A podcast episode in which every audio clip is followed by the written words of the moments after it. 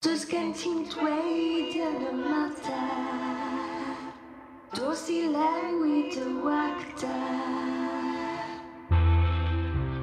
Helo, a chroeso mawr i benod arbennig o podcast Marchad yn Gwneud Music yn arbennig i ddathlu Dydd Music Cymru eleni.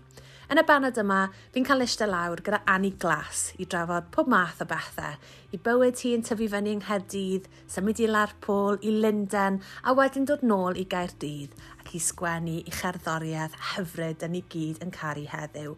Felly gobeithio newch chi fwynhau'r sgwrs yma a Dydd News Cymru hapus i chi. A jyst rhywbeth bach cyn i ni ddechrau, falle bydd na ddefnydd o iaith gref yn ystod y podcast yma. Os nag yw hwnna'n thing chi, wel, well i chi switch it off nawr.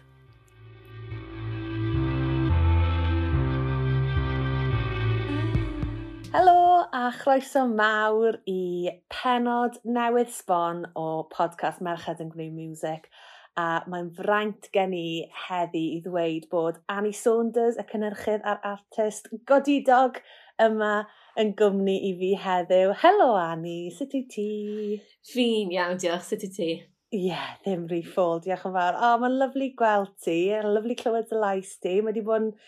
Fi'n fi trio meddwl, tro diwetha fi'n credu nes i weld ti mewn person, oedd gig, y gig diwetha nes i fynd i cyn lockdown, sef ti yn lawnsio dy album di yng Nghlwb Ifor Bach, nôl y mis Mawrth 2020. Ie, yeah, fi e, nuts. Mae'n ma mor nuts. Mae'n teimlo fel hedoedd yn ôl, nag yw e? Gigs Gigs. Yw gigs. Oedden ni jyst yn siarad cyn y sgwrs yma. Mae'n ma mynd i gig a perfformio mewn gig, siwr o fod. Mae'n jyst yn teimlo fel rhywbeth mor bell i ffwrdd yn dyw. E? Mae'n teimlo fel rhywbeth a different life. Ydy, a ti'n gweld um, fel hen fideos o bobl yn sefyll yn agos, a ti'n fel, wow, pam chi mor agos? move away. Two metres, Two man. metres. Mae'n yeah. teimlo fel, fi'n meddwl byddai'n cymryd bach amser i ni fel, falle bydde ddim, ond ni'n cael yr argraff fydde'n cymryd bach amser i ni fod fel yn gyffwrddus yn sefyll mewn torf eto, hyd yn oed pan bydde, pan bydde yeah. gyd drosodd. Mm, Mae'n mynd i gymryd bach o amser i adjustio nôl i'r be bynnag bydd yn normal ar ôl hwn i gyd, yn dywe? Ond ta beth, ni wedi siarad yn bethau lot neisiach. Um, diolch o galon am ddod um, lan ar y podcast yma gyda ni. Um, ni'n fan mawr yn amlwg o dy gerddoriaeth di a popeth ti'n sefyll am Um, a mae, jyst yn, mae e jyst yn bleser llwyr i gychwyn podcast 2021 gyda, gyda ti. Felly diolch yn fawr iawn ond amser di heddi. Um, so be fi'n hoffi wneud gyda'r sgwrs yma um, yw mynd nôl i'r dechreuad a just sort of sôn amdano beth yw, beth yw prif ysbrydol, ysbrydoliaeth artistiaid um, a ble mae'r sort of, lle mae'r awen yna'n dod o, a lle mae'r ysbrydoliaeth yna rili really yn dod o, achos mae'n rhywbeth, mae'n rhywbeth unigryw i bob un artist, i bob un person, a mae'n ma wahanol i bawb.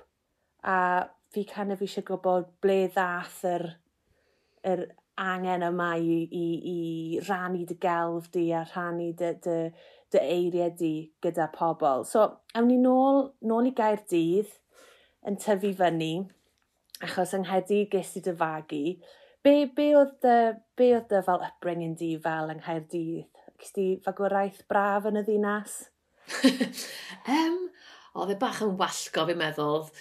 Um, fi, fi wastad yn edrych yn ôl y Gaerdydd, achos mae'n adead, ti'n modd, dy lot yn ni, yn gyffredinol mewn gwirionedd, i sort of fod nostalgic am beth i, sut le oedd e, ti'n modd, 20 mlynedd yn ôl. A dwi'n meddwl, oedd e bach o dwll, really. Oedd e ddim mor neis yna. Dim bod fi'n cofio. Fi wedi gweud y lot, fi jyst yn cofio fe. Ti'n meddwl, bwrw glawd amser, oedd e'n llwyd, oedd e'n llwm. Um, oedd e wedi redeg lawr lot, ti'n mo, ag... Um, ond, ond oedd na bocedi o bethau yn digwydd, achos fi'n fi cofio ni'n... Un lle fi'n cofio mynd i lot pan o'n i'n fach, oedd chapter, oedd e'n rili really wahanol i beth yw e nawr, oedd e'n fwy... Um, oedd loads, loads a loads a loads o gwneoedd bach annibynnol mm. fyna, lot o roi teledu, cofio mynd i bartis fyna. Fi'n gweud parties, o'n i'n cael yn llusgo fyna fel yn 4-5 oed. um, so oedd pethau ddim rhan fyna, ond ie, oedd, oedd e... Um, o'n i'n di can ymagu yng Nglan yr Afon sy'n reit o bwys y ddinas. Um, oedd, e, oedd ti'n pan mae pethau normal i ti, ti'n wir, ti wir yn trial dehongli fe, yn edrych nôl ti'n meddwl falle, oedd yna bach yn od, neu oedd yna sefyllfaoedd bach yn rhyfedd, neu oedd bach yn arw ar y degau. Ond ti just, pan ti'n tyfu lan, dyna beth sy'n normal. Yeah. Um, Yn cofio lot o gangs yn crwydro strydoedd, oedd hwnna'n really nice. Weithio nhw'n eistedd bwys step yn y drws, o'n i'n goffod fel, gwybod I just get into my house. Yeah. Uh, so, so pethau fel yna, a yn cofio unwaith yn cedda lawr y stryd. A ti'n meddwl pan oedd trolls, y dolls na, yn fel big deal. A dyfa yeah, yeah. un, a ges un fel fake, achos oedd fel, oedd y sioc gornod yn gwerthu rhoi fake. Fel, oh my gosh, mae'n mor cool. A ti'n gwasgu bola fe, oedd hi lygyd yn e mynd yn goch y gwydd. Anyway, oedd na ferch wedi dod lan i fi gweud, oi, I want that, give me that troll. I fel, oh my god. So, ti'n byd, nes i ddim, o'n i mor ofyn, nes i ddim. So dyna ah. fel yn digwydd, un tro o'n i'n cedda lawr street, a oedd merch di dwi'n esgyd fi. O oh, na! Just un esgyd. Un esgyd? yeah, just, just pethau random, a ti eisiau meddwl, oh, come on.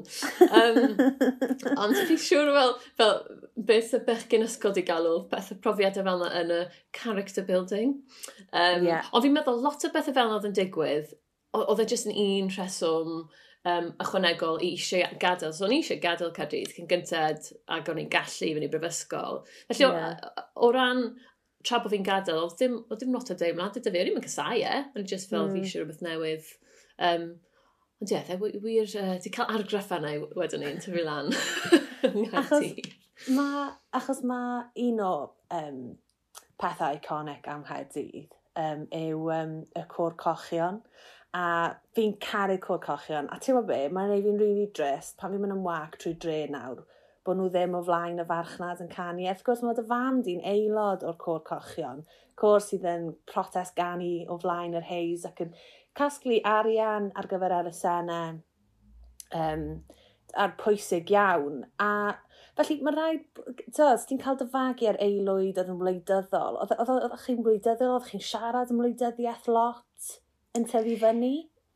Ie, yeah, ti'n fi'n teimlo un peth, fel fi, fi ddim di bod mewn y dre lot, achos mae fe'n really drist heb y sŵn, a ti'n gyddoriaeth yeah. a stwff oedd yn digwydd yr amser, yn bennig ar ben wythnos, ond i o'n i'n mynd gyda mam bob di sadron pam ni'n fach um, i ganu, o'n i'n allan eistedd fel yn canu gyda nhw, neu o'n i'n rhedeg o'na um, Early Learning Centre, o'n i jyst mynd i chwarae yn Early Learning Centre tra bod nhw'n tra bod nhw'n am canu, ond ie, yeah, i, a dda'n brofiad amazing, achos ti, fel wedi si, yn gynharach, ti'n mynd, um, pan mae pethau normal i ti, ti jyst yn pigo pethau lan a, a ti jyst, jyst get on with it, fel ni dysgu lot o gyneuon, lot o anthemau, gwledydd wahanol, a ti'n meddwl lot ono fe, a wedyn ti'n fynd o dy hun mewn sefyllfa falle blynyddoedd wedyn, a ti'n meddwl, fi'n gwybod anthem De Africa, mae hwnna'n fel, dim yn gwbl gyffredin, a ti fel hymian gyda fe, mae pobl jyst yn edrych yn ti'n meddwl, pam ti'n gwybod na te?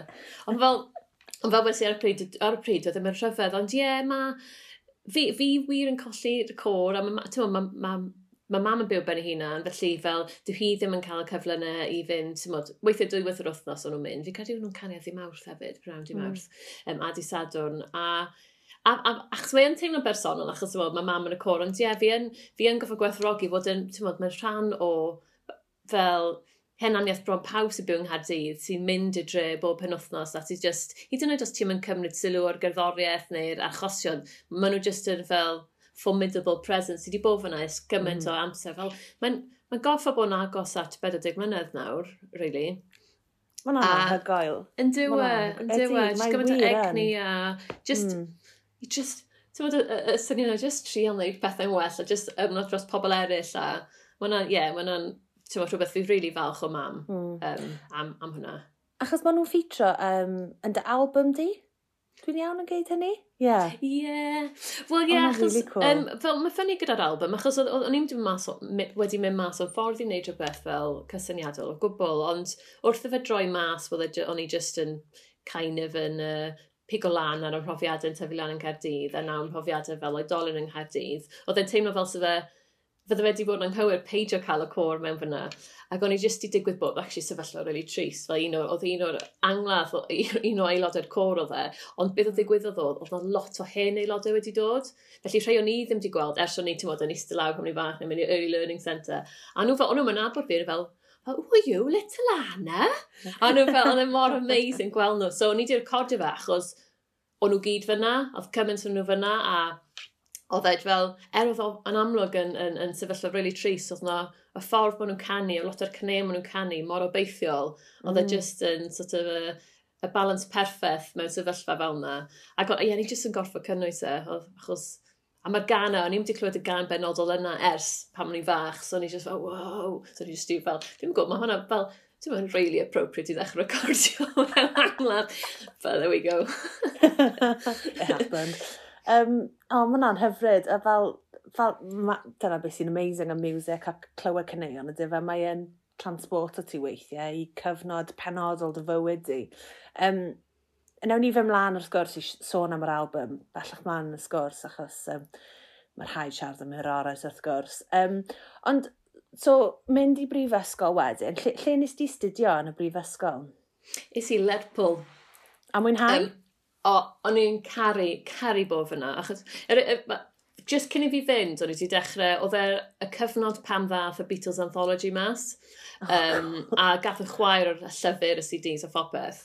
A oedd hi di fel inhalio nhw gyd, mynd drwyddo fe. A well, felly o'n i wedi cael cyfle i, i ddallan y llyfr. Oedd e, oedd e fel Beibl, oedd e fel un. Mm. A o'n i'n cofio dod nôl o'r ysgol. Oedd hwnna'r gyfnod pan o'n i ddim wir yn darllen, really. O'n i'n fel, dwi'n gwybod beth o'n i'n neud. O'n i dawnsio am fwy o'r amser. Ond o'n i'n darllen lot, ond o'n i just yn obsessed gyda Beatles. Yn benod oedd Paul McCartney.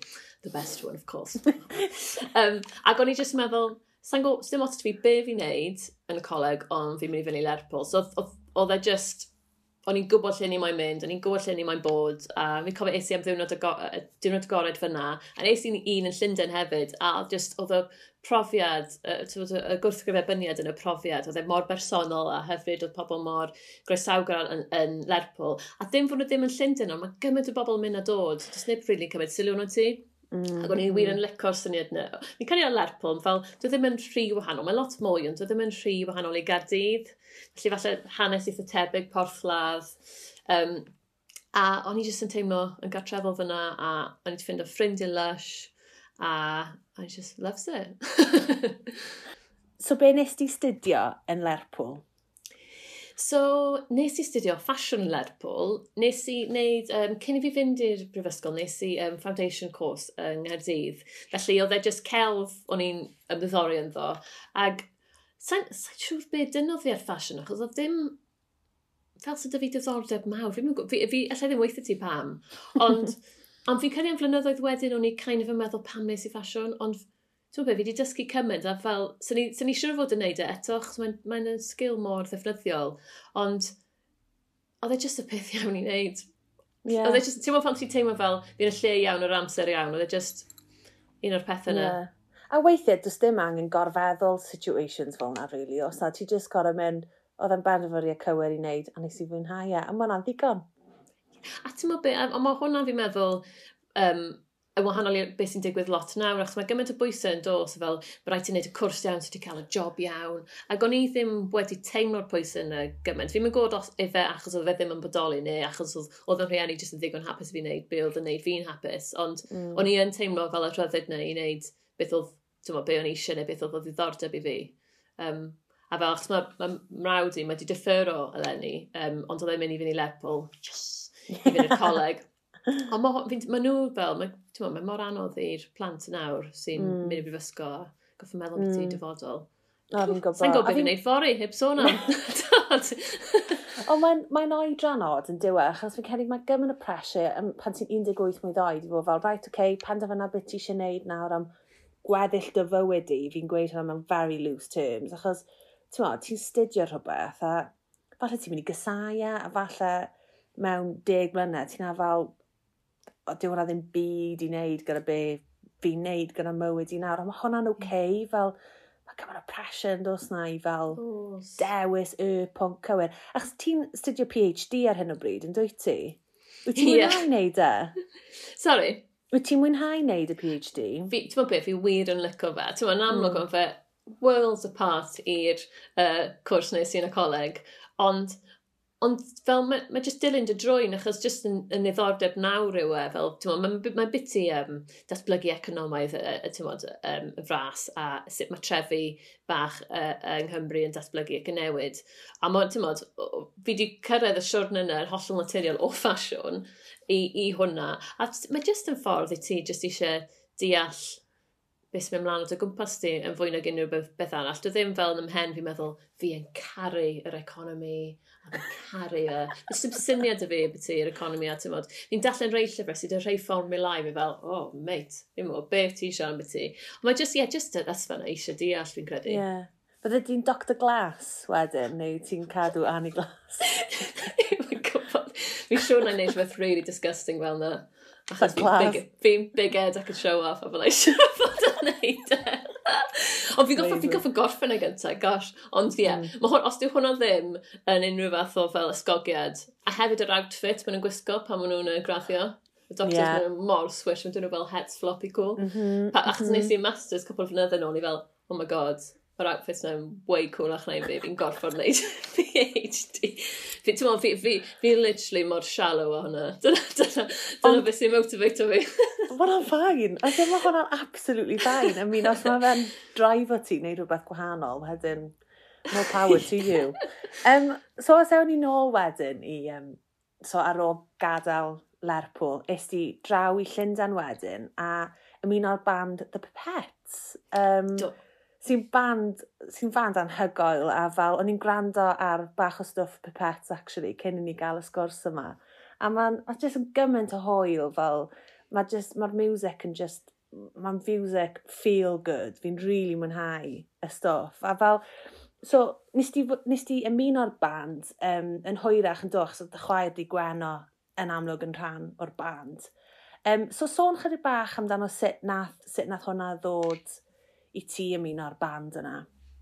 So, pan mwyn i'n Lerpwl, o'n i mewn band pop um, o'r enw Genie Queen, ag Nethon ni, fel, o'n i'n mynd i wneud lot gyda'n gilydd i fod yn onest, ond nethon ni gefnogi'r pipets cwbl o weithiau mewn gigs. Felly nes i chwarae gyda'r pipets, um, a fi'n credu oedd hwnna sort of yn, um, yn, yn, yn, i fi, yn amlwg, a'n chwaer yn un amlwg, a fi'n cofio pam nath Gwanol weid, o'n i'n byw actually yn Brighton cyn ni, um, a oedd Gwanol wedi gweud, o, oh, mae ma, ma un o'n nhw wedi gadael. A ni, o genuinely, honestly, fel joke, fel, o, oh, na i wneud e, fel as if, so hi'n gweud, oedd hi fel, oedd hi jyst i istedd yn mynd, hmm. So, o'n i'n goffi wneud audition, o'n i genuinely yn jocan, 100%. Um, obviously smashed it. na, na um, ond, ie, yeah, wedyn, so nes i, uh, dyna sut nes i ymuno, um, don't ask, don't get, ynddo fe? Wel, ie, yn union. um, ha, hollol popeth yn biti i'r profiad, allai ond disgrifio fe fel gwallgo, popeth mm. yn wallgo, lot cloiach, lot mwy gwyllt, um, dim jyst o ran lifestyle, o ran emosiynau, oedd pethau naillain anhygol neu'n effernol. Jyst o'n profiad di yn fel, ti'n modd, yn mynd drwy bywyd, yn oh ie, hwnna dda, o oh, na, mae hwnna wael. Ond fel gyda pipet, oedd e fel, oedd e naill lan fan hyn, y lafren, so ti fel hyn drwy'r amser. Ac yn um, exhausting.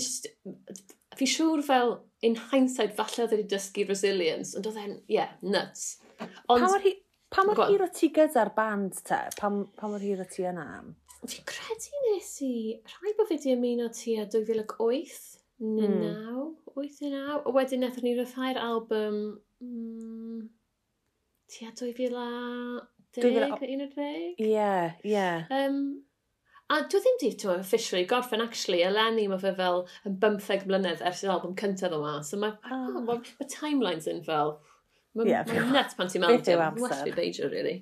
Ond, um, Ond, ti'n meddwl be, ond pan mi'n meddwl beth yma, oedd e'n brofiad ffantastig, achos nes i ddysgu lot am beth i sut i werthfawrogi cerddoriaeth wahanol, achos pan ni'n tyfu lan, fel o ran be i'n lico tu fas y catre, pop o'n i'n mm. caru, Wedi, mm. ti'n mynd, ti mynd yn hun a ti'n mynd bach fwy self-conscious. Ac o'n i yn caru indie music. O'n i yn, ti'n mynd, o'n i'n mynd i'r bafflai bob yn othnos, o'n i'n gwylio bands y gyd. Mhm. Ond wedyn, pam greu Sir pipet, oedd e fel, na mae'n iawn i look o pop music. O'n i'n fel, oce. Okay. So, oedd e wedi gwneud fi sort of ail-asesu a ail-gysylltu gyda be o'n i fel wir yn caru. Mm. A oedd hwnna, mm. um, yn amlwg y profiad o weithio gyda'r cynhyrchydd Martin Russian, oedd hwnna fel yn fel sort of yn mind-blowing, really, achos o'n i'n mynd i cael unrhyw brofiad o... O'n i'n gwybod sut oedd pobl yn cynhyrchu, oedd e just, ti'n modd, o'n i just yn meddwl, pobl yn sgrifennu rhywbeth, a wedyn oedd e just yn troi lan ar y radio, oedd dim syniad mm. fi hmm. o'r broses rhwng hwnna i gyd. So oedd ie, dysgu loads, oedd e'n anhygoel, ond nuts. anhygoel ond nuts. Ie. yeah. Amazing, fach chi ffordd dda o sgrifio cyfnod, achos A wedyn yn mynd ymlaen wedyn o Lundain, nes di adael Lundain, a dod nôl i Gaerdydd wedyn. Pam felly penderfynu dod nôl i Gaerdydd yn benodol? Um, Ti'n beth, yn gyfuniad o bethau, un peth oedd fi o boyfriend fi wedi torri lan, so o'n i fel drist, classic, um, o'n i yn sgint, hollol sgint. So, oedd e ddim, oedd e dim ond fod dros dro, o'n i'n meddwl, o, oh, tri mis, chwech mis tops a fyddai nôl yn Llundain. Yeah. Ac um, o'n i just ddim, di gadael y hira o'n i bant fyna, a hira o'n i, y mwy o'n i'n meddwl, ti'n be, sa'n gael credu bod y fi'r egni. Ti'n meddwl fi'n teimlo'r un peth tuag at Llundain ac ydw i'n teimlo tuag Glastonbury. Mae mor exhausting. Ti'n mae'n gymaint o hwyl, ond mae'n mor intense. Ti'n just fel, ti wir fel saico dyn yn lan i fod yn barod. Pan ti'n yeah. pan ti'n mynd ar y tren i Lundain, fel pan mae'n normal, a ti'n fel, oce, okay, fi'n barod, dyma fi, fi'n barod, a ti ynddo fe, ti'n y flow, ti'n cario, ti'n gadael, ti'n fel, yes, a ti'n gwybod bod ti'n mynd i fynd nôl i'r tawelwch a bod popeth yn ei i fod yn calm. Dyna sut fi'n teimlo beth i'r lle. A, hi, yeah, a fel ni'n gweud, y hira o'n i ffwrdd o fyna, ni, y mwy o'n i'n meddwl, Na, fe, mae'n ma weird, o ti'n sôn fanna pan ti'n mynd ar y tren a ti'n saic gyda hunan fyny. Fi gorau gwneud hwnna bron y bod yn noson cynt. Fel saic fy hunan fyny, right, okay, fi'n mynd i London. A wedyn mae cael y paned yna wedyn, fi'n gymaint o fel un berson cael y paned ar y tren nôl. Fa, dyna beth sy'n cadw fi fynd pan fi'n Llundain. Fi'n fel, come on, Ella, keep going, keep going. a dwi'n ffynnu, Cyn gyntaf ti off y tren, a ti'n mynd ar y underground, ti'n switcho, ti fel troi mewn, yeah. a ti fel, fi mynd fan hyn, fi fan hyn, a ti'n mynd fel, quick moving, no, fi sy'n mynd i lawr, a ti'n troi, a fe'n, not particularly nice. You're fel, I'm getting that seat, I'm getting on, oh, and horrible horrible. Mae'n weird, achos fel arfer, sgen i ddim sense of direction o gwbl, a wedyn fi'n llyndau fyna fel, fi'n mynd lawr fan hyn, a wedyn yeah. lan fan hyn, yn fel, who am I? Ie, gyfod. A fi'n cyrraedd nôl i Gardydd, fi fel, oh, so, pa ffordd yeah. dwi'n mynd eto? I fi byw yma all my life, lle ydw i? Ie, ie. Fi'n cael trafferth yna gyda pobl sy'n dreifo a sy'n gofyn i fi am gyfer, gyfarwyddiadau. Achos fel, tan o ddiweddar fi, beth ti dreifo fi fel, ti'n mynd trwy'r lein yna, fi'n gwybod lle mae Ceir yn mynd. Fi'n gwybod lle chi fo'n mynd. um, so, ar i dod nôl i Gaerdydd, a nes ti ddechrau band ren The Lovely Wars. Um, a mae'n rhaid bod ti wedi, fel, fel ti'n gweud, bod ti wedi dysgu gymaint gyda dy gyfnod di um, yn y pipet. Oedd yna'n help wedyn trwy ddechrau prosiect newydd yng Nghaerdydd? O, oh, yn bendant, fi'n meddwl beth oedd lovely was, but be nes i, oedd e kind of yn, um, o, o ran yn gyddorol, oedd e sort of hanner ffordd rhwng lle o'n i'n mynd i fynd, dim bod fi'n gwybod ar y pryd, a lle oedd y pipet, a oedd y dylanwad yna i gyd arno fe, yn amlwg oedd na dair merch. Um, a oedd e'n basically ffrindiau ysgol fi o'n nhw. o'n i wedi cyrraedd nôl, a o'n i'n, fel, oedd hi'n ferch Alice, oedd hi'n chwarae gitar yn y band, oedd hi'n cofio yn yr ysgol, oedd hi'n chwarae drums, am, am gyfnod, ni'n meddwl, mae Alice yn cool. Fi'n siŵr beth... O'n i'n gwybod ei thad i'n chwarae mewn band, i fel, o, beth, beth hi'n gallu chwarae gitar, dim prob. So, oedd hi fel, o oh, ie, yeah, cool, na chwarae gitar. Yeah. A wedyn Kerry, o'n i'n gwybod Kerry oedd y chwarae um, synth. O'n i'n gwybod hi'n gallu chwarae piano, o'n i fel, wicked. A wedyn oedd cariad hi, wedyn troi gŵr hi, oedd e ar y bass. A wedyn oedd dynnu fel intermittent drummers, classic. um, um, ond dim oedd hwn on lush hefyd, ond fi'n meddwl pan ti'n hun mewn band, achos o'n i fel tua 26 efo'n y cyfnod hyn, a, a, a mae yn lot o egni fod mewn band, a dwi ddim bod ti ddim eisiau neu... Mae dim gymaint yn biti o stwff credigol. Mae hwnna yn rhan elfen grif ond fe. Mae'n fwy yn biti, ti'n modd, fel wedys ti'n dod nôl o Linden, ti'n exhausted, a, ti just, a mae'n lot o egni i, ti'n modd, i, just i gyrraedd un lle ar yr un pryd, ti'n mwyn, i fod yn un lle, achos mae, ti'n mwyn, mae commitment y pobl, mae swyddi y pobl, mm. a, yeah, they're just, just lot o ymdre. Ond pam, pam, pam o'n i'n neud e, they just loads o hwyl, achos e'n neis bod yn bang gyda ffrindiau. A to, mm. fi, fi yn meddwl nôl nawr, pan fi ar y llwyfer yn amlwg, fi fel, os, os fi'n neud joc, fi'n gwybod os mae'n ffynnu, neu beidio. Wel, really, well, fi yn kind of os mae'n gynnu lleir just fel, wedi cael hwn cwbl o weithiau. Ond mae'n neis pan ti'n ar llwyfan, hyn o'n os mae ffrindiau ti'n meddwl bod ti'n mynd ffynnu, maen nhw'n chwerthin, hyn o'n arno ti a ti'n teimlo'n well. Ond yeah, fel, does yeah. dim bant ar y llwyfan, mae ti'n byd hunan. Mm. So ni'n colli'r cwmni na a'r, ar y dynamic na um, a ti'n bod pobl yn cyfrannu syniadau, ti'n bod, just, yeah. Yeah, ti'n be. Mae'n unig. Mae'n ma rha, ma rhai bod y transition yna, achos wedyn ar ôl cyfnod The Lovely Wars, is di mewn i ddechrau wneud solo artist, dechrau creu cerddoriaeth ti dy hunan.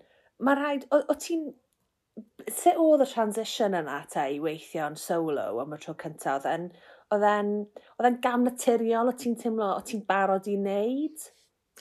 Um, fi'n meddwl o ran sut o'n i'n teimlo, dde bendant yn gam naturiol, o ran techneg a capabilities, I mean, o'n i fel jumping over the deep end, achos oedd dim syniad, dim profiad. Ti'n modd, o'n i ddim, fi ddim yn gerddor mewn gwirionedd, fi'n chwarae offeryn yn, yn, dda fel lot o bobl. Um, dim profiad gynhyrchu, erioed i chwarae gerddoriaeth electronig o blaen. So oedd popeth yn newydd mewn gwirionedd. Mm. Um, a oedd e just yn... O, fi wedi cael, fi wedi cael cynio fi drwy'r drws. Diolch, Rhys. um, Ar y teg i Rhys.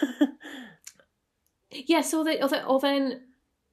Ond pam o'n i... O'n i just... Oedd e y syniad yn y pen, a ni'n gwybod bod fi'n wir mae'n neud e, a fi'n fel... Fi siwr sy'n lot yn ffrindiau cytuno. Fi'n really styfnig, a pengaled, a ni just fel, na, fi moyn neud e, er oedd lot o bethau mewn gwirionydd o ran, ti'n fel skill set yn gweithio fi, babes, not for you. A ni fel, na, fi'n mynd i neud e, fi moyn neud e. A ti'n meddwl, mm. mae'n cymryd lot o amser a lot o tiw, ymchwil, lot o marfer, lot o um, adlywyrchu beth ti'n neud, ail asesu. Ond, ti'n beth mae'n wedi dysgu fi, os ti'n rili really rhoi pen lawr a ti wir mae'n neud rhywbeth, mae kind of, you kind of get away with it. Mm. ti'n meddwl, ie, yeah, e, oedd e fel, E, oedd e'n ddeiblyg, oedd e yn teimlo fel y peth iawn, ond hefyd y peth falle cael eto gallwn ni di dewis o, mm. o ran yn geddorol i wneud. Fi'n cofio clywed EP cynta ti, Ffrwydra Tawel. Fi'n cofio gwrando ar November tro cynta. O'n i'n neud shift rili really hir lle o'n i'n gweithio ar y pryd. A o'n i ar laptop fi a nes i ffind o SoundCloud. Dis i stumblo draws SoundCloud ti a ffind o'r EP na a gwasgu play. A genuinely, fi'n cofio'r foment o gwrando ar yr EP yna am y tro cynta. A dda just amazing.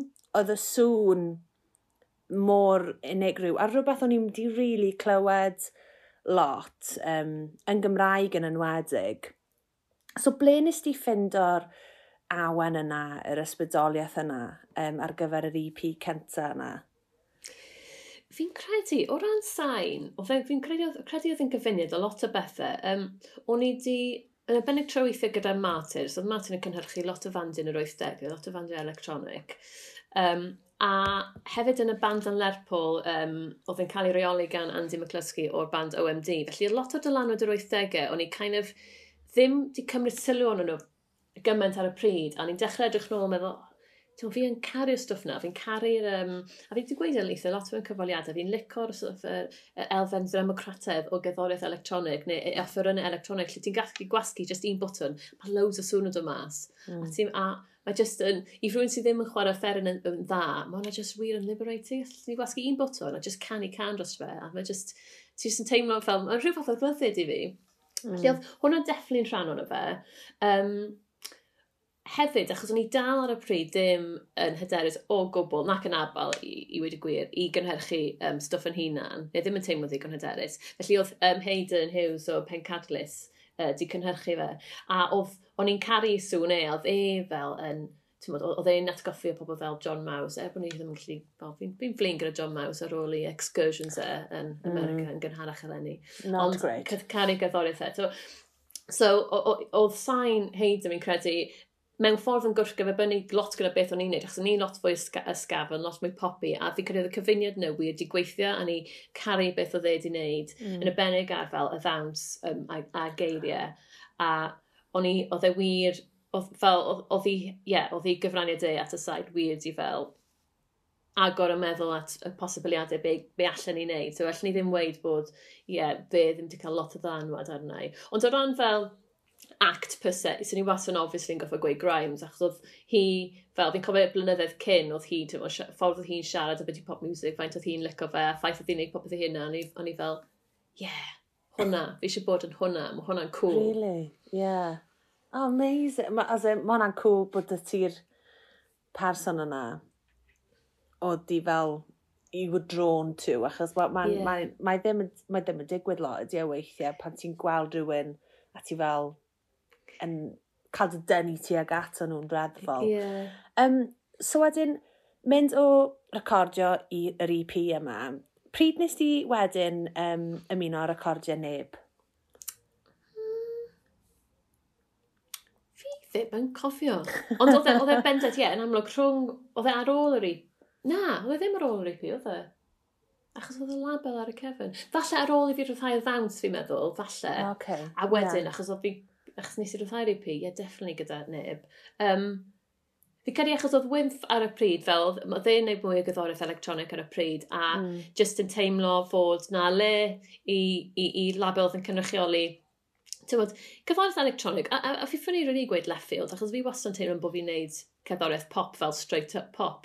Um, ond achos bod fi fel I guess fi, fi bach yn weird, so ffaith bod fi'n weird, falle wneud y gyddoriaeth bach yn weird, fi'n gwybod. Ond oedd o'n le i sort of left field electronic pop label yng, yng Nghymru, a oedd fi'n credu, a ffordd oedd mae neb yn cyflwyno pethau, ddim ddim jyst yn weledol, um, ceradu, mae Wimff yn rili dda yn ceradu stwff i'n meddwl, fel yn weledol neu o ran uh, cerddoriaeth, mae'n mae, mae deall um, um, hey, mae'n deall yr elfennau o gerddoriaeth, oedd ddim just y sain, mae'n ma, ma fwy yna, a, a fi wir yn parchu yna beth i sut mae fe'n mm. um, sut ma fe gweithio.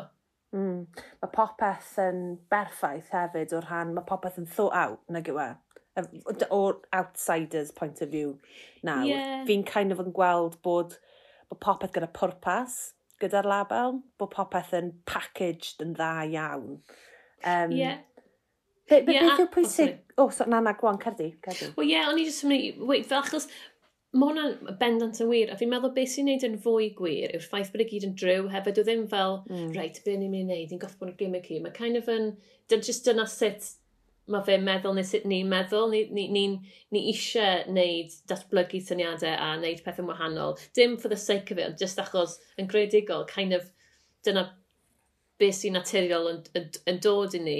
Ac mm. o, ra hmm. o ran aesthetic, fel, ni, ni lot o'r amser yn eitha gwahanol, ond mod, fi'n eitha fashion i, a fi'n eitha stwff fel na, a wedyn mae wymff yn fwy graphics, uh, graphic design, mae deall fel bod si design a curator not gwell.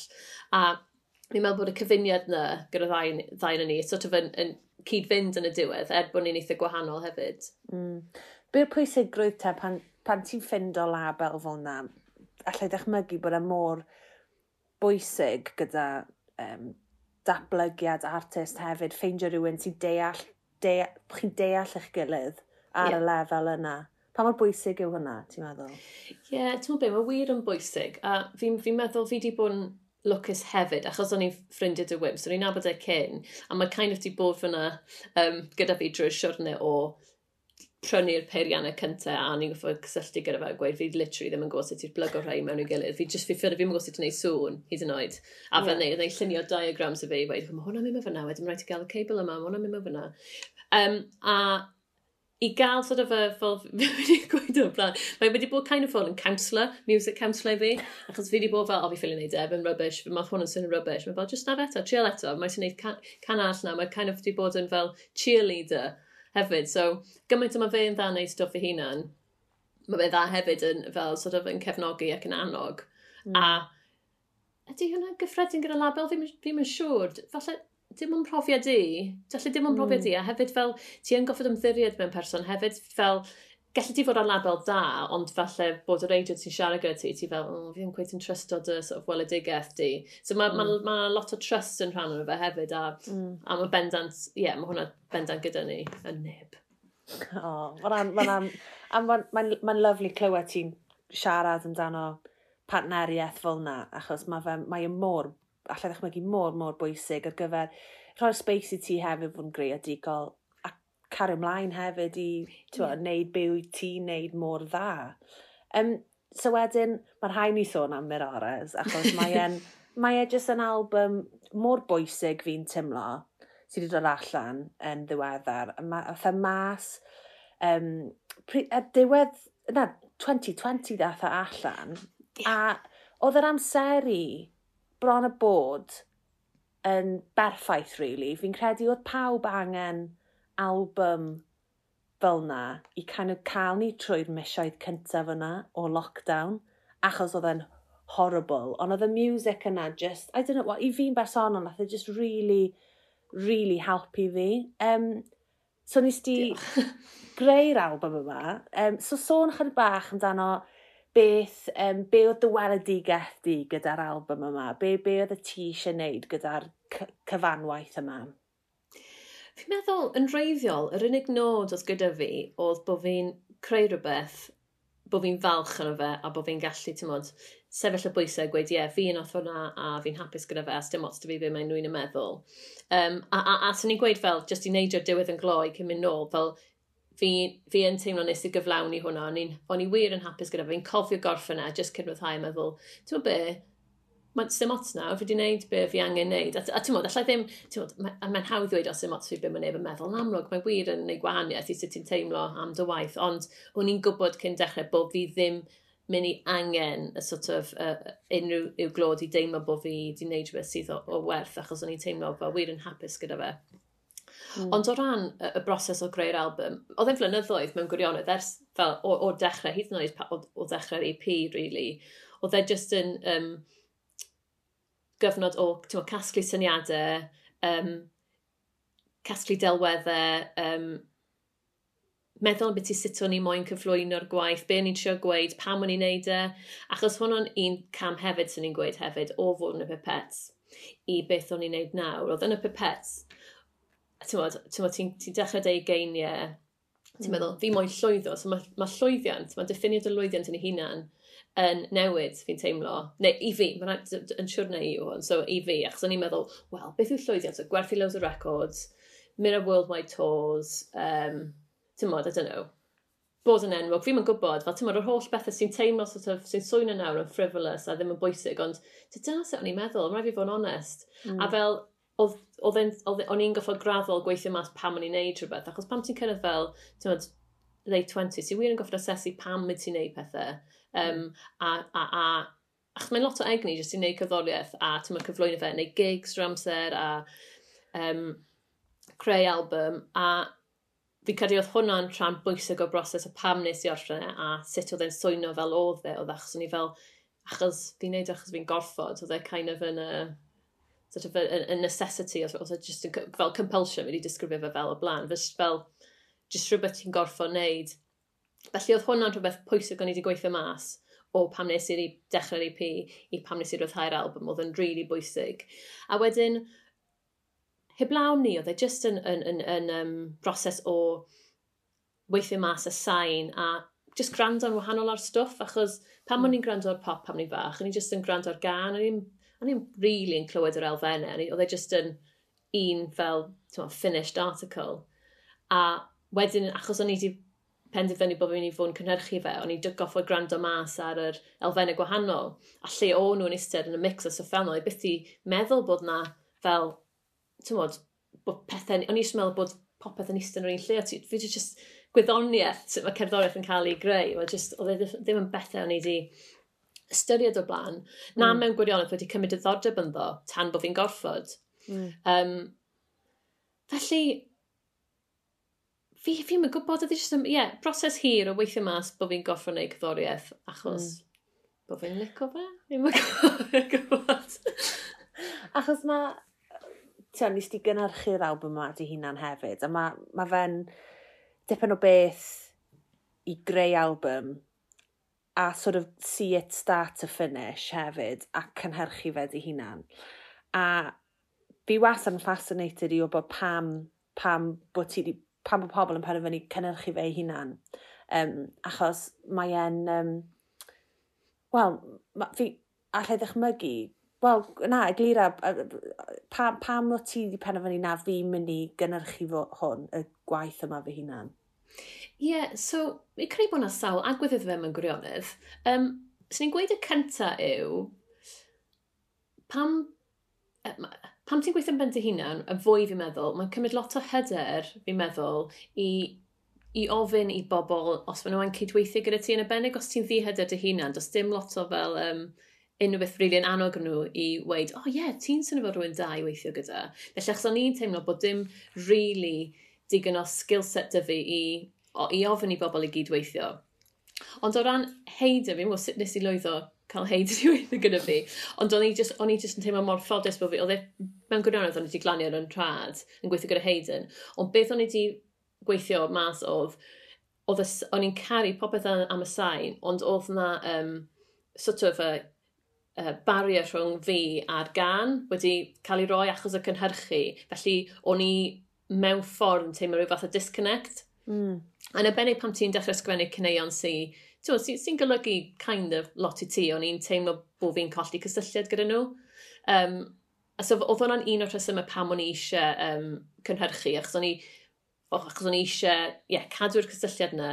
Ond hefyd, fel wedys i'n gynharach, o'n i eisiau bod dy fi um, rhyw skill set i allu gyflwyno i rhywun i fod fel, o, oh, falle llai fod rhywun i gydweithio gyda. Fel, mae'n mm. lot o fe'n ei gyda hyder, diffyg mm. hyder, ond yn yr achos yma, oedd y diffyg hyder ti talu off, achos mae'n golygu bod fi wedi gallu dysgu, dysgu sut i gynhyrchu. Um, yeah.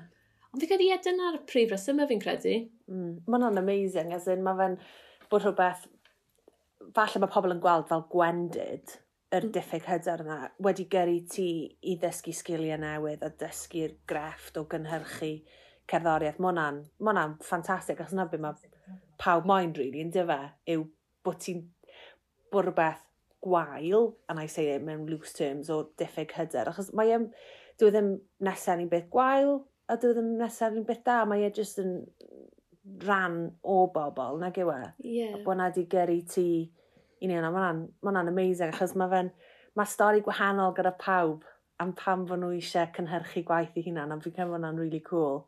Um, so, gyda'r album yma wedyn, mae rai ni sôn am y gwaith celf a'r fideos sy'n ynghlwm um, gyda'r gwaith, achos mae'r ma, ma album cover fi'n credu yn iconic, a mae'n mynd i, fi'n credu fydd e'n un o'r darnau gelf yna sydd um, fyddwn ni siarad am yn blynyddoedd, achos fi'n meddwl mae'n mor striking, a mae'r packaging y CD hefyd, um, mae'n gyd, mae'n package cyfanwaith amazing a really beautiful.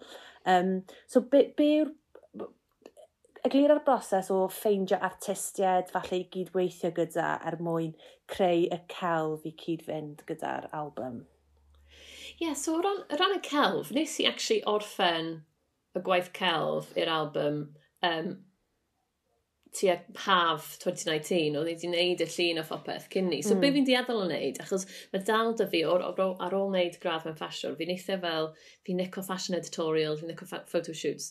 So fi, fel y, y broses fi'n neud yw fi'n casglu delweddau ar Instagram, weithiau ar Pinterest, ond on, mm. yn benodol ar Instagram, a just cael rhyw fath suppose mood board, a cael syniadau creadigol. Felly nes i um, ffind, yeah, just ffind o delweddau o um, steil o pethau ni'n lico a just mynd o fyna felly wedyn nes i um, achos i'n gwneud bach o ffotograffiaeth hefyd, so oedd dyfu hmm. camera, so nes i, nes i gymryd y llun, nes i sort o mas y llun, um, a print fe, a, a bwriad gwreiddio oedd wneud collage, achos o'n i, ti'n i'n gwneud lot o collaging ar y pryd, ond o'n i just feet ar o'n o fe, oedd e just yn teimlo fel, ti'n fel, I suppose yn contrive, fes ni fel, mae hwn mynd i fod yn collage, dyna beth mae'n mynd i fod, oedd e'n teimlo rhy ffos, oedd dim byd cweith yn gweithio, a wedyn benderfynu ni just gadael e, um, mm. yn, yn, just fel oedd e, fel delwedd. Ac mm. o'n i yn gwybod ar y pryd fel, achos sy'n ni ddim wedi gallu ffordd o um, rhyddhau um, fainol, sy'n ni wir eisiau, ond sy'n ni ddim wedi gallu gwneud e fel label bach, a ni'n gwybod, gwybod bod fi eisiau gwneud rhywbeth bach yn wahanol gyda'r cas. A fi'n meddwl, lle weles i e? CDs lliw arall. Yn amlwg fi'n gwybod bod, bod nhw'n bodoli, ond mm. so, o'n i wedi ffindio CDs pink ma, ond oedd yr y cases a'r trays, so y bit mae CD actually stico, yn dod ar wahan. Mm. A so ni wedi goffi odro rhai o America, ond o'n nhw'n dod ar wahân, a wedyn oedd lot o nhw'n smasho lan. Fawn ni cyrraedd, so oedd e- hwnna'n broses hir, o goffa canol America. weithio oedd na rhyw customs bill hefyd yn dod drwyddo. Oh, so oedd na bit gwas, so oedd hwnna. A wedyn oedd y CD coch, lle oedd y gweilad yn goch, ond oedd pawb meddwl llawr ffordd anghywir oedd oedd y pobl mewn, oedd y CD ddim yn gweithio. um, so oedd hwnna wedyn oedd nhw'n goffa danfon y CD off i gael y cyddoriaeth yna fe a'r print ar yr ochr arall. A wedyn oedd wymff di wneud yr bit tu fewn gyda'r lyrics, so oedd e di wneud y layout i hwnna gyd. Print o hwnna, a wedyn oedd e, actually nes i ti a pimp, a ni fel, oh, can't do it. So oedd e wedi sleisio pob un, a plygu wow. nhw gyd. So oedd e ddim yn fater o fel bod ni'n talu i gael y finish item. Oedd e gymaint o fen, a wedyn oedd e sticker yn y fe.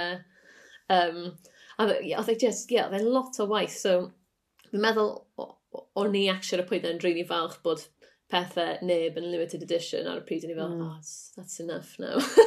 Ond o'n i actually yn goffa cyfynso fe i gael sort of a, a, a CDs gwyn, achos oedd e ddim yn ei wneud mwy, ni fel, wel, fi'n meddwl bod yn neis bod na, bod ni dal yn cael run o fel beth eraill.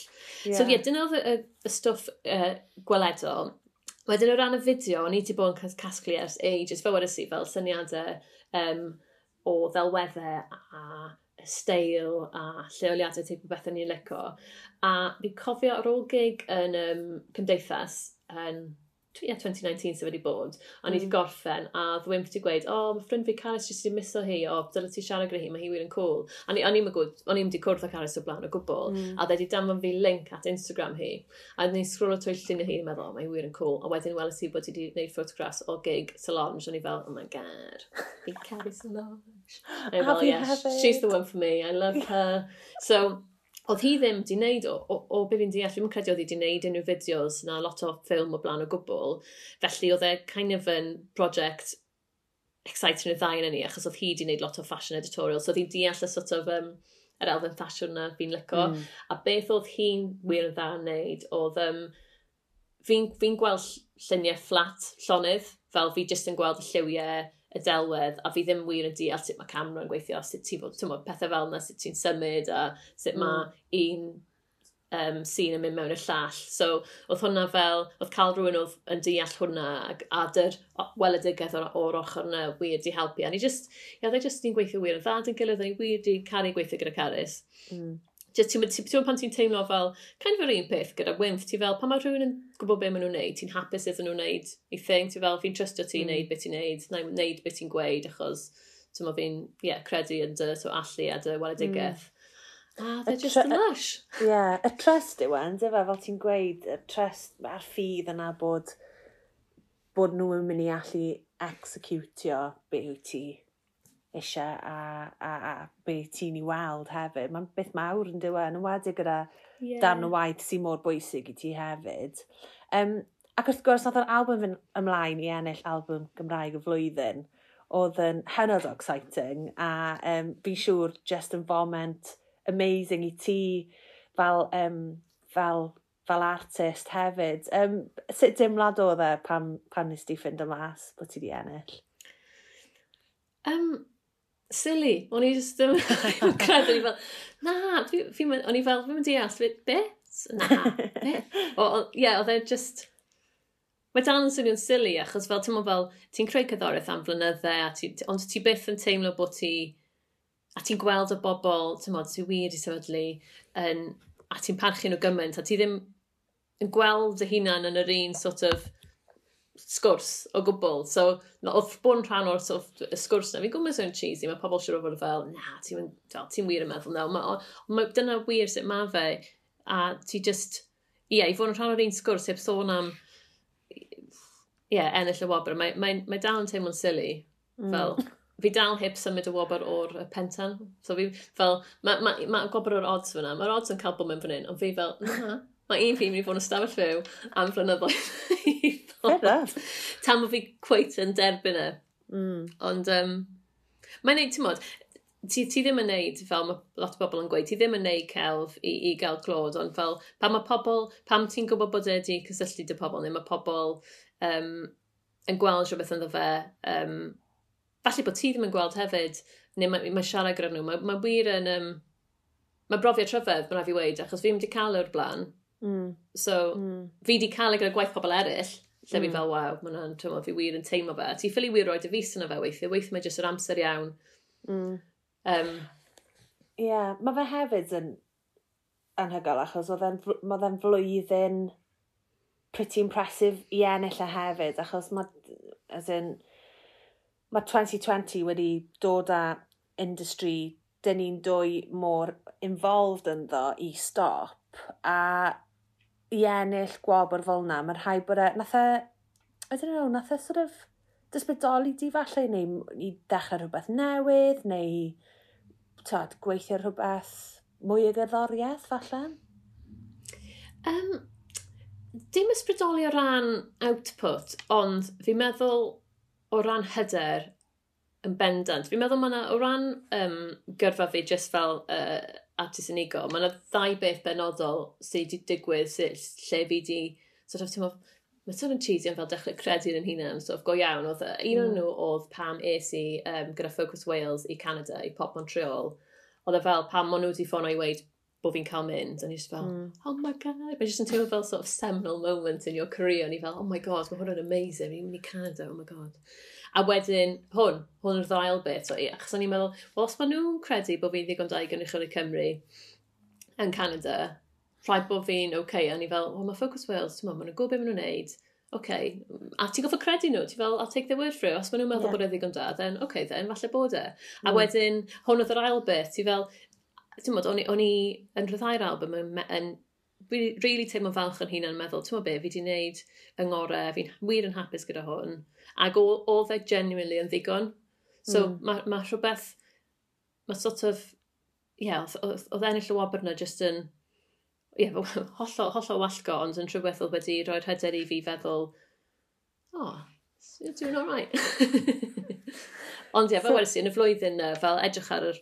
This just dim unrhyw ffordd sy'n ti'n ystyried sy'n ti'n ennill yn edrych ar y bobl oedd ar y rhestr yna. Oedd e'n good rhestr. Oedd e'n good rhestr, ond oedd album di. Ah, special. Really good. Um, so, obviously mae'r blwyddyn a'r cyfnod yma jyst i bod yn bonkers ac yn heriol i gymaint ohono ni. Um, sut wyt ti di ffind o'r flwyddyn diwetha yma yn, tywod, yn greadigol? Um, fi di wneud braidd dim yn greadigol achos, well, achos mae'n gyfnod insane. O fi'n meddwl, mae ma, ma creu album yn cymryd gymaint o egni, to creadigol. Oedd ddim lot fi ar ôl i gyfrannu anyway, so fi'n yn gwybod ddim yn credu sef wedi bod yn wahanol sy'n sy hwn heb ddigwydd hefyd, achos mm. bys ni wedi bod yn gwario rhan fwyaf o llynedd yn, ti'n bod, yn ei gigs a teithio, felly mm. sy'r output creadigol wedi bod yn minimal to beth. Mm. Um, felly mewn gwirionedd fi wedi bod yn trio sort of casglu fel syniadau a casglu um, awen a bod, adeiladu lan y sort of yr... Er, Fy'n gweud, fel fi wedi gweud o blaen, fi ti'n fel husk. Fi wedi fel mae'r holl fel syniadau sy'n dyfu wedi cael, fi wedi rhoi nhw gyd mas, fi angen dechrau casglu nhw eto, so fi'n fi raddol yn casglu syniadau, ond I suppose dim ond erbyn diwedd y flwyddyn llynedd nes i deimlo falle bod na fwy i ddod, felly fi just, yeah, fi just bod yn aros yn eistedd fan hyn i'r awen ddod.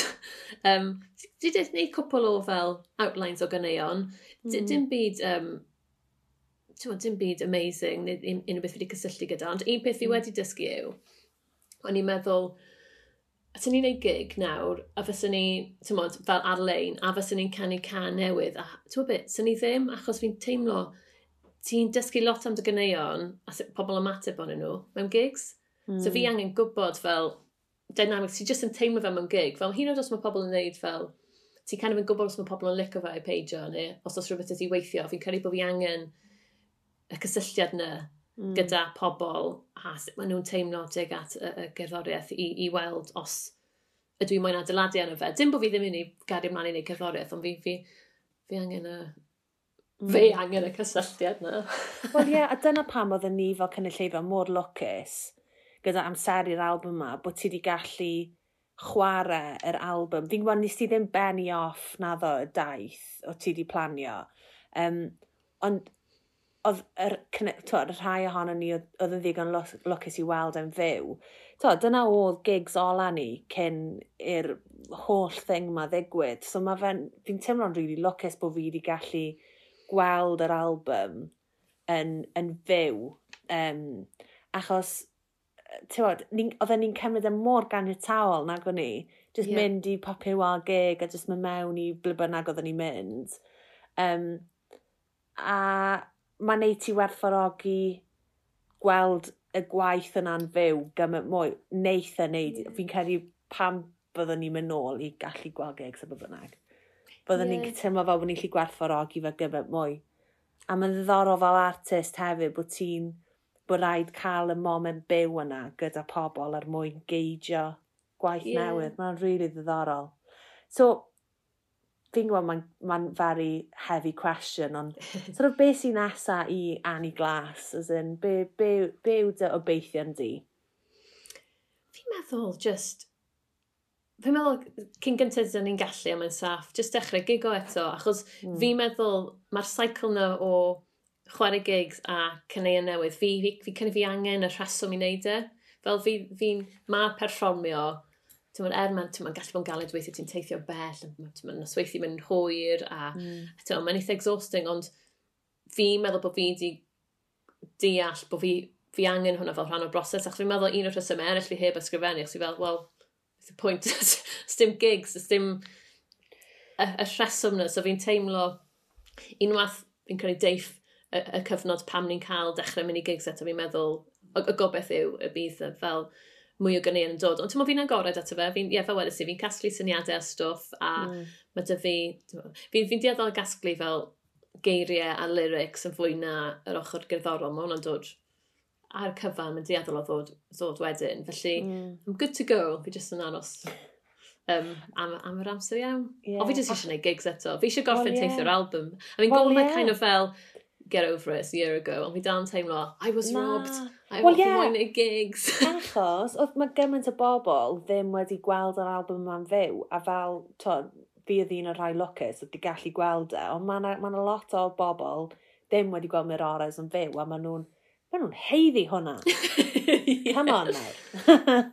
so, achos, ti'n ma, dyna beth yma'r backlog o albums a stuff yn cael ei performio'n fyw. Mae'n mynd i fod yn pretty stonken, ag yw e? Mae'n mynd i fod yn nuts. Fi'n gwybod, ti'n ti mynd i off o ddechrau, chi'n mynd off o ddechrau neu gigs gyda fel three headliners yn rhywbeth. Mae'n mynd i fod yn nuts. Ti'n iawn o'r traffic sy'n mynd i fod yn dod gyda'r mm. holl bobl yma sy'n... Fy'n rhyddai albums, o leia nes i cwpl o gigs, ond rhai pobl ddim wedi gwneud unrhyw gigs. Na. A byd nhw angen teithio albums nhw. Nuts. Wel, fi'n edrych mlaen um, i allu gweld ti'n perfformio'n fyw eto, achos um, I think we, we all need a fix o Fanny Glass yn perfformio'n fyw eto. Um, ond diolch o galon, wir i ti, mae wedi bod yn bleser siarad gyda ti heddiw. Allwn ni siarad gyda ti am gweddill y prynhawn, ond yn ymffodus mae rhaid ni dirwyn yr, uh, y sgwrs yma i ben rhywbryd a mae jyst yn teimlo fel y moment iawn i wneud e. Ond diolch i ti, Annie. Diolch o galon. A... Diolch yn fawr am damser ti hefyd. Mae'n wir yn neis gallu tywod, trafod syniadau a phethau fel yna eto. Felly, ie, fi'n gwerthrogi. Ti hefyd, wastad yn cefnogol hefyd, so diolch. Virtual high five. diolch yn fawr iawn i ti, Annie, a drach ar ôl di hunan. Ta!